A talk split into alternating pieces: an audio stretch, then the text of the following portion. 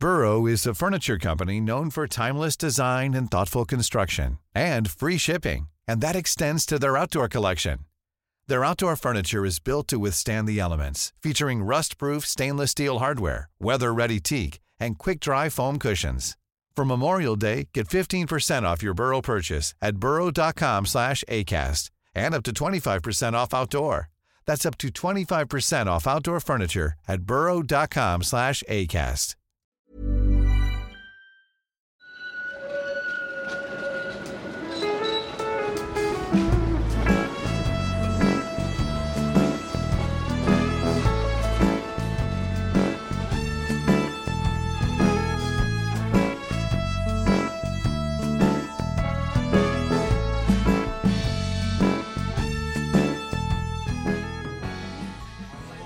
Hej och välkomna till Gator och torg i Göteborg. En podcast om platser i Göteborg. Jag heter Malin Fricke och jag är programledare i podden den här veckan, igen. Med mig som vanligt har jag gymnasieläraren och Göteborgskännaren Mattias Axelsson. Hallå! Hej Malin! Hej! Eh, vi befinner oss på Redbergsplatsen och har tagit plats här på Ölkompaniet i eh, gamla Redbergsgården, som det faktiskt fortfarande heter. Eh, vi kanske ska nämna något om huset vi sitter i här. Det är ju ett gammalt Folkets hus från 30-talet som byggdes 1934 och eh, uppfördes för Göteborgs arbetareförening och innehöll eh, lite olika samlingslokaler och butiker. Ja, och nu är det en, eh, det hör man ju förmodligen i bakgrunden, en ganska stimmig pub där vi sitter en lördagskväll och spelar in det här avsnittet. Och det är ju lite grann för ovanlighetens skull som vi har tagit oss så här långt österut i Göteborg. Av någon anledning så brukar vi hålla oss i de västra delarna i Frölunda och Majorna och även centrala Göteborg. Men nu har vi som sagt tagit oss, egentligen sitter vi faktiskt inte på Redbergsplatsen om vi ska vara petiga, utan vi sitter ju längst upp på Danska vägen, men det är ju egentligen det ställe runt, förutom Masala så är det ju egentligen det här stället i en anslutning till Redbergsplatsen där man kan sitta. Mycket reklam här Mattias. Men eh, Danska vägen, det tar vi i ett annat avsnitt. Jag kan säga att det blir ett Patreon-exklusivt avsnitt. Tycker det låter som en utmärkt idé. Ja, ja. Men åter till eh, Redbergsplatsen. Varför ska vi göra ett avsnitt om Redbergsplatsen? Ja, det handlar om att det var en av våra Patreons som önskade det. Och så la jag ut en eh, omröstning på vår Patreon-sida där man fick välja mellan fyra olika alternativ. Och då var faktiskt det förslaget som vann just Redbergsplatsen. Redbergsplatsen slog både Andra Långgatan och Postgatan, så det är på grund av våra Patreons som skänker pengar varje månad på patreon.com gator och torg i Göteborg som vi gör det här avsnittet. Stort tack till er! Och ni ska inte bara bli Patreons för att ni stöttar podden, utan ni slipper också all reklam i podden, ska vi säga, om ni blir Fru- månadsgivare. Förutom den som Mattias nämner. Vi blir inte sponsrade i de här avsnitten, jag lovar. Okej, men om vi går lite djupare in på varför Redbergsplatsen heter Redbergsplatsen. Ja, det finns faktiskt olika hypoteser kring det här och svaret är inte så självklart som man skulle kunna tro. För vid en första anblick så tänker man ju okej, Redbergsplatsen har fått sitt namn från Redberget som ligger eh, bredvid, precis vad blir det, nordväst om Redbergsplatsen. Men en annan hypotes, det är att det var en krogägare på 1700-talet som hade en krog precis i anslutning till det som idag är Redbergsplatsen. Han hette Anders Rebba och han ska ha gett namn åt Rebbas lid som sen då blir Redbergs lid som ger namn till Redbergsplatsen. Men vad jag tror är en rimligare hypotes det är att det är landeriet Reberg som man har belägg för tidigare än 1700-talet som har gett namn åt Redbergsplatsen. Och landeriet Reberg, det syftar då på förledet Rida och det handlar ju då om den danska trafiken längs med Danska vägen som passerade Redbergsplatsen på häst. För det var ju så man tog sig fram landvägen fram till 1900-talet egentligen. Och själva namnet Redbergsplatsen det bestäms 1883 då bestämmer man att den här platsen ska heta Redbergsplatsen. Så om vi går lite längre tillbaka i tiden före 1883 när man bestämmer namnet Redbergsplatsen, vad, vad fanns här innan det? Ja, man kan säga så här att den här platsen där Redbergsplatsen ligger, den har en lång tradition av att vara en korsväg eller en knutpunkt för olika vägar. Det finns belägg för att Redbergsplatsen tidigare kallades för Korsvägen. Och norr om nuvarande Redbergsplatsen så ligger ju Säveån. Och Säveån den har alltid varit en viktig transportled för varor inåt landet och det var ju ingen slump att riksföreståndare Sten Sture den äldre i början på 1470-talet anlade nya Lödösö precis vid Säveåns utlopp där Gamlestan idag ligger. Och Redberget, eller Redbergsplatsen söder om Sävån blir då en korsväg dels för den danska vägen som går i nord-sydlig riktning samt eh, landsvägen som går österut mot Allingsås och Stockholm, alltså det som är Härlandavägen idag. Och när Göteborg grundas 1621 så upplöser man ju nya Lödöse och kung Gustav II Adolf bestämmer att de borgare som bebott nya Lödöse ska mer eller mindre tvångsförflyttas till den nya staden Göteborg. Och Härlanda övergår då till Göteborgs stad. Och det som ingår i Härlanda det är ungefär det som idag är Olskroken, Bagaregården, Härlanda och Östra kyrkogården. Sen byggs det ett landeri uppe på Redberget, eller Reberget som det också heter, på 1600-talet. Och just de här landerierna, det byggs det ju ganska många av runt omkring. Vi har Olskroken, både den stora och den lilla.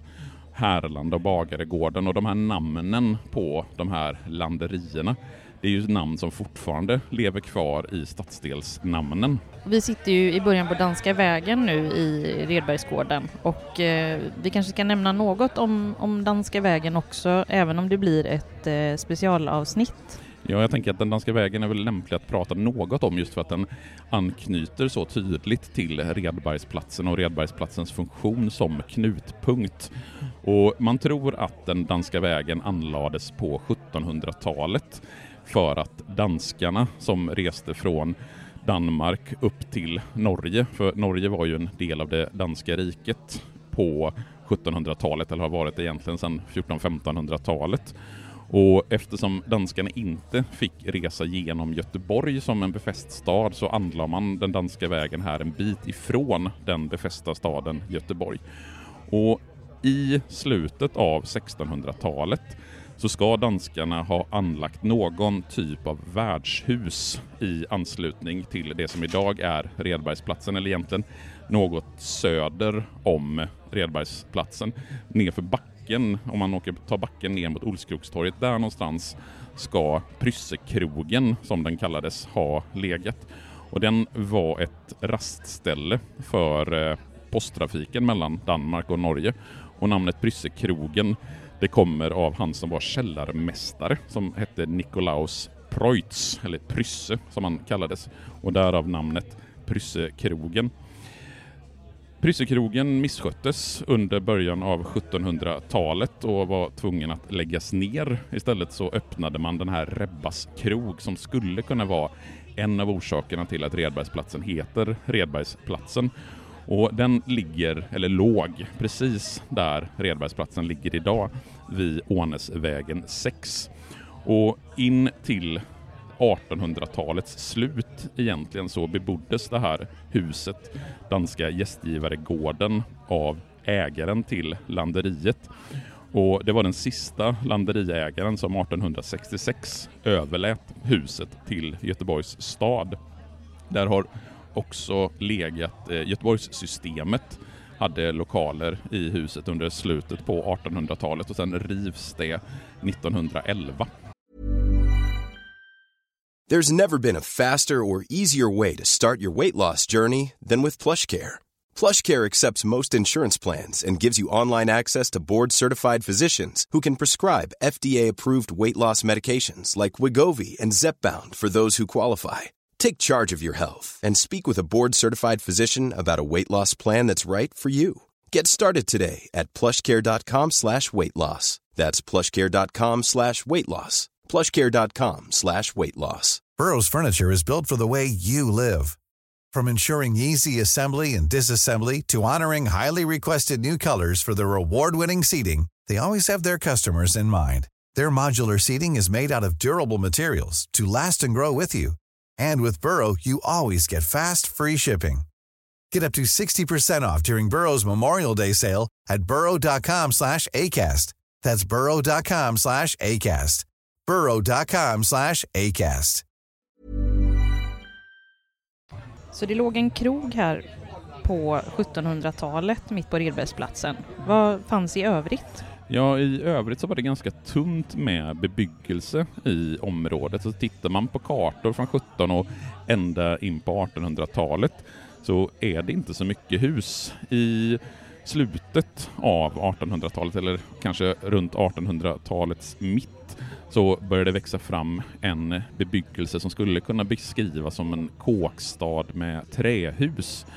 Och i Fredbergs klassiska bok om det gamla Göteborg från 1920-talet så beskriver han, eh, skriver han dessa förstäder vore tillhåll för samhällets fattigaste och den saknade utvecklingsmöjligheter. Och man beskrev det som att för folk inne i centrala Göteborg så var det här okänt territorium.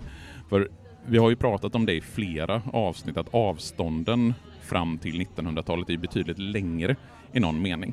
Ska du ta dig från centrala Göteborg hit till Bagaregården eller till Redbergsplatsen, då är det en resa som är ganska ansenlig. Alltså det tar en stund att ta sig från centrala Göteborg till Redbergsplatsen när du inte har bil eller spårvagn utan du måste ta dig till fots eller med häst.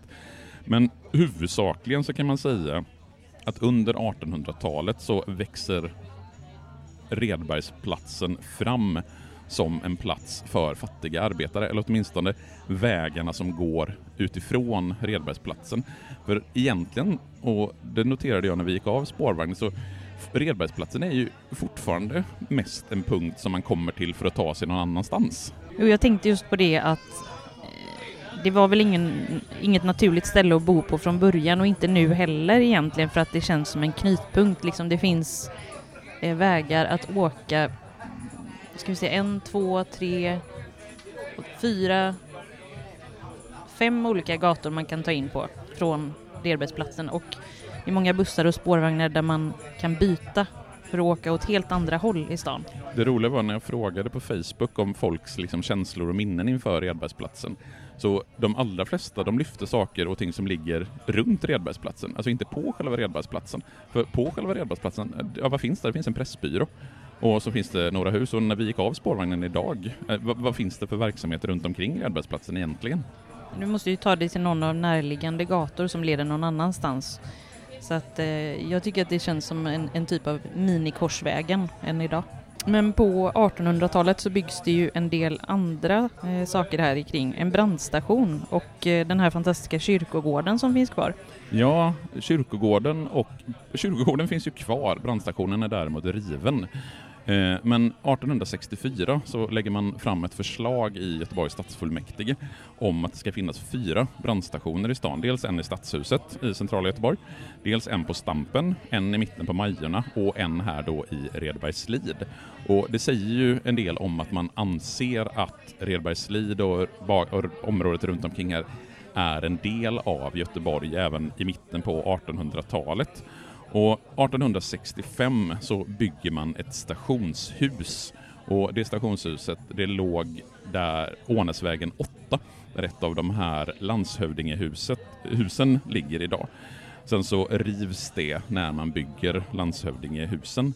Men själva kyrkogården, den tycker jag är, även om inte den ligger direkt på Redbergsplatsen utan sträcker ut sig ganska ordentligt från Redbergsplatsen, så är det också på 1860-talet som man fattar beslut om att det ska byggas en ny kyrkogård. För den kyrkogården som ligger vid Stampen, eh, där det står det här ”Tänk på döden” när man går in, den har blivit för liten. Du och jag pratade ju i avsnittet om domkyrkan, hur man flyttade kyrkogården, begravningsplatsen, från domkyrkan till den här nya kyrkogården vid Stampen. Men när vi kommer fram till 1860-talet så har ju också den blivit för liten och man bestämmer att det ska byggas en ny begravningsplats på 1860-talet. Den får till en början heta nya begravningsplatsen men byter sedan namn till Östra kyrkogården. Om man står på Redbergsplatsen eh, där man byter spårvagn och buss så kan man ju se den stora graven som tillhör Viktor Rydberg. Eh, varför ligger han begravd där? Ja, man skulle kunna tro att han inte alls skulle begravas i Göteborg för att han är ju född i Jönköping och dog i Stockholm. Men Viktor Rydberg har ju mycket av sin karriär att tacka just i Göteborg. Han får ju sin journalistiska utbildning och sin journalistiska praktik någonstans på Göteborgs Handels och Sjöfartstidning från mitten av 1800-talet och han jobbar på Göteborgs Handels och Sjöfartstidning i över 20 år. Sen har han också en riksdagsplats för Göteborg under 1870-talet och den dikt som Viktor Rydberg förmodligen är mest känd för. Tomten. Precis, den som börjar, nu ska vi se om jag kommer ihåg, midvinternattens Köld är hård. Stjärnorna gnistra och glimma. Snön lyser någonting på enslig gård. Den skrev han faktiskt i Slottsskogen där han gick med ett papper mot sin hustrus axel en kall vinterpromenad 1881. Så just att Viktor Rydberg levde många av sina formativa år i Göteborg är orsaken till att han ligger begravd här på Östra kyrkogården. Och just den graven är ju som du säger väldigt pampig och man ser den väldigt tydligt från Redbergsplatsen. Utöver Östra kyrkogården så uppfördes också Sankt Pauli kyrka på 1880-talet där i början i sluttningen som fortfarande står kvar. Men den kallades Höga Lyckan då, vilket tillhörde lanteriet Gubbero men när började det som vi känner igen som Redbergsplatsen idag att byggas? Ja, i slutet av 1800-talet och början av 1900-talet så river man den här kåkbebyggelsen och ersätter den med landshövdingehus. Och väster om Bagaregården så börjar man redan på 1880-talet bygga det som idag heter Olskroken. För Olskroken var ju ett område just med landshövdingehus som växer fram under 1880-talet. Bagaregården däremot behåller sin karaktär av lantlig idyll en bra bit in på 1900-talet och det första huset längs med Ånäsvägen i det som kallas för kvarteret Renen, det är det som ligger om man kommer från Olskroken upp för backen till Redbergsplatsen, det som ligger på vänster sida. Det är det som är kvarteret Renen. Och det är ju ett av två kvarter som ligger i direkt anslutning till Redbergsplatsen. Det andra heter kvarteret Vättlefjäll och det är det som ligger rakt fram om man kommer till Olskroken. Och det första huset som byggs, det är nummer fyra, alltså det andra huset och det bygger man redan år 1900.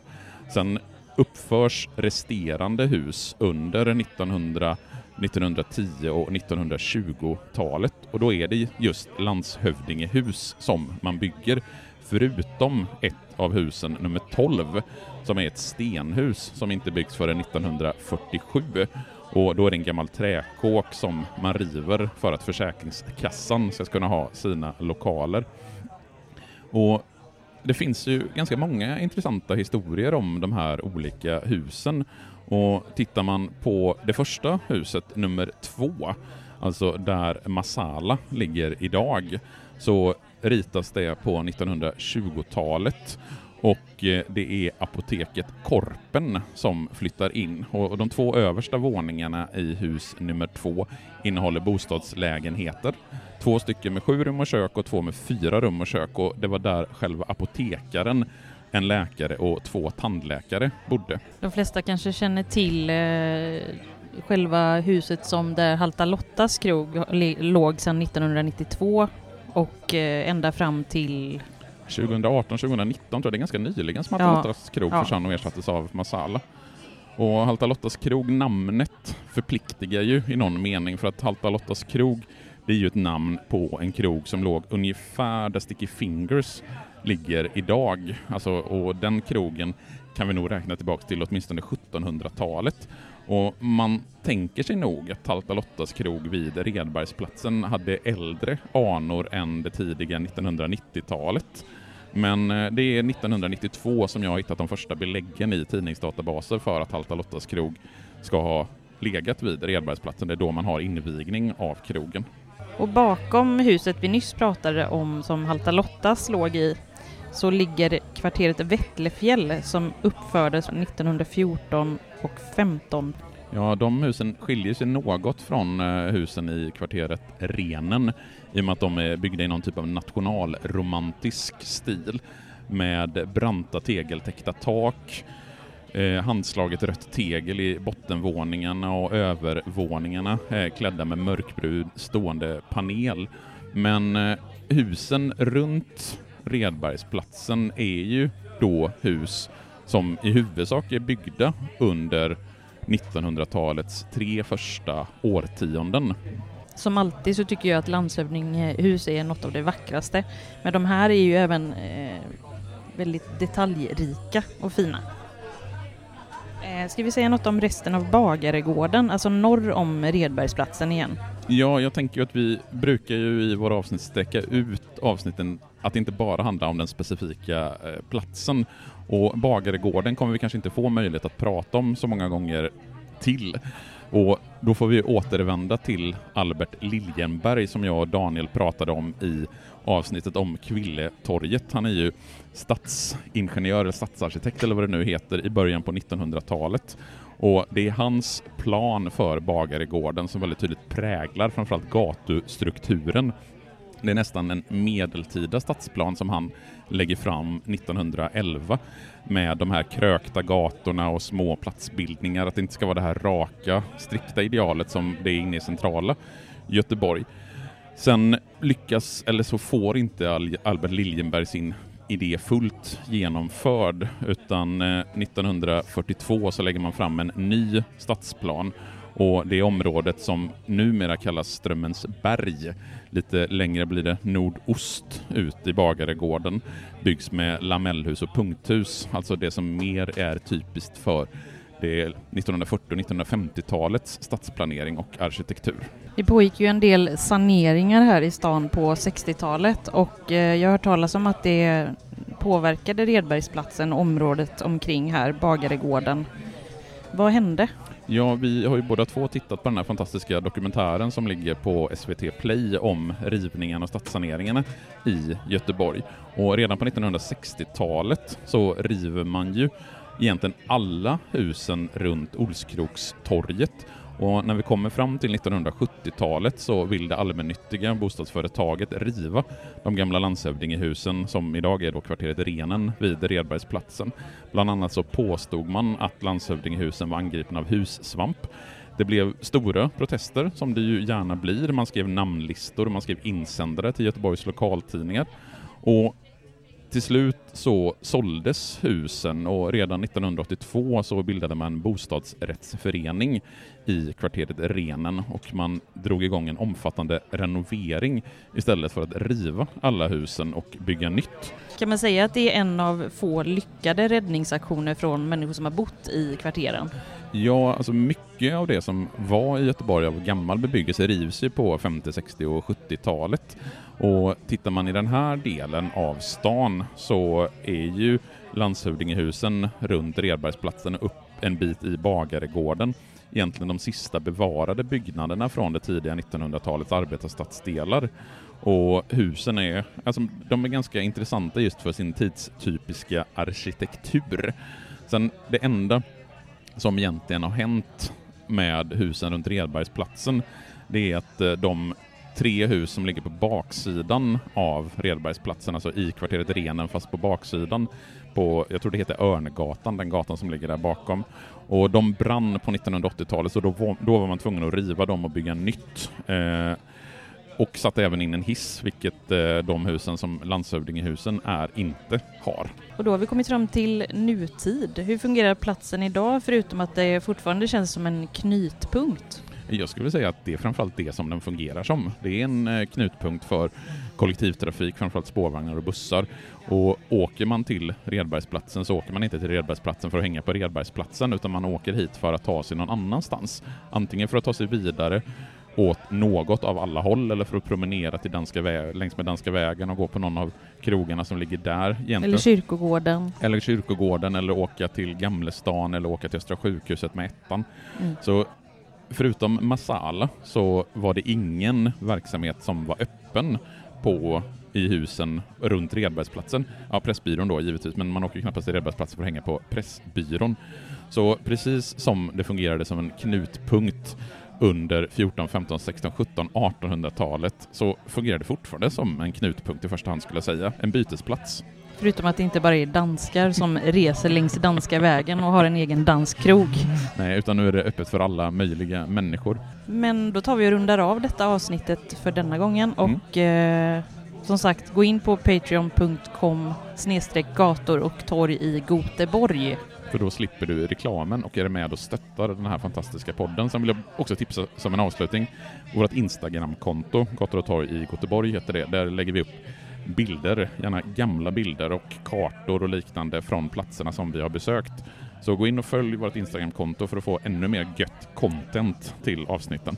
Och du behöver ju inte bli Patreon utan du kan hitta podcasten Gator och torg i Goteborg på platser där poddar, finns. Bra. Säger vi tack för den här gången så hörs vi igen om Ja, en vecka typ. en vecka. Det blir bra. Ha det gött. Detsamma. Hej.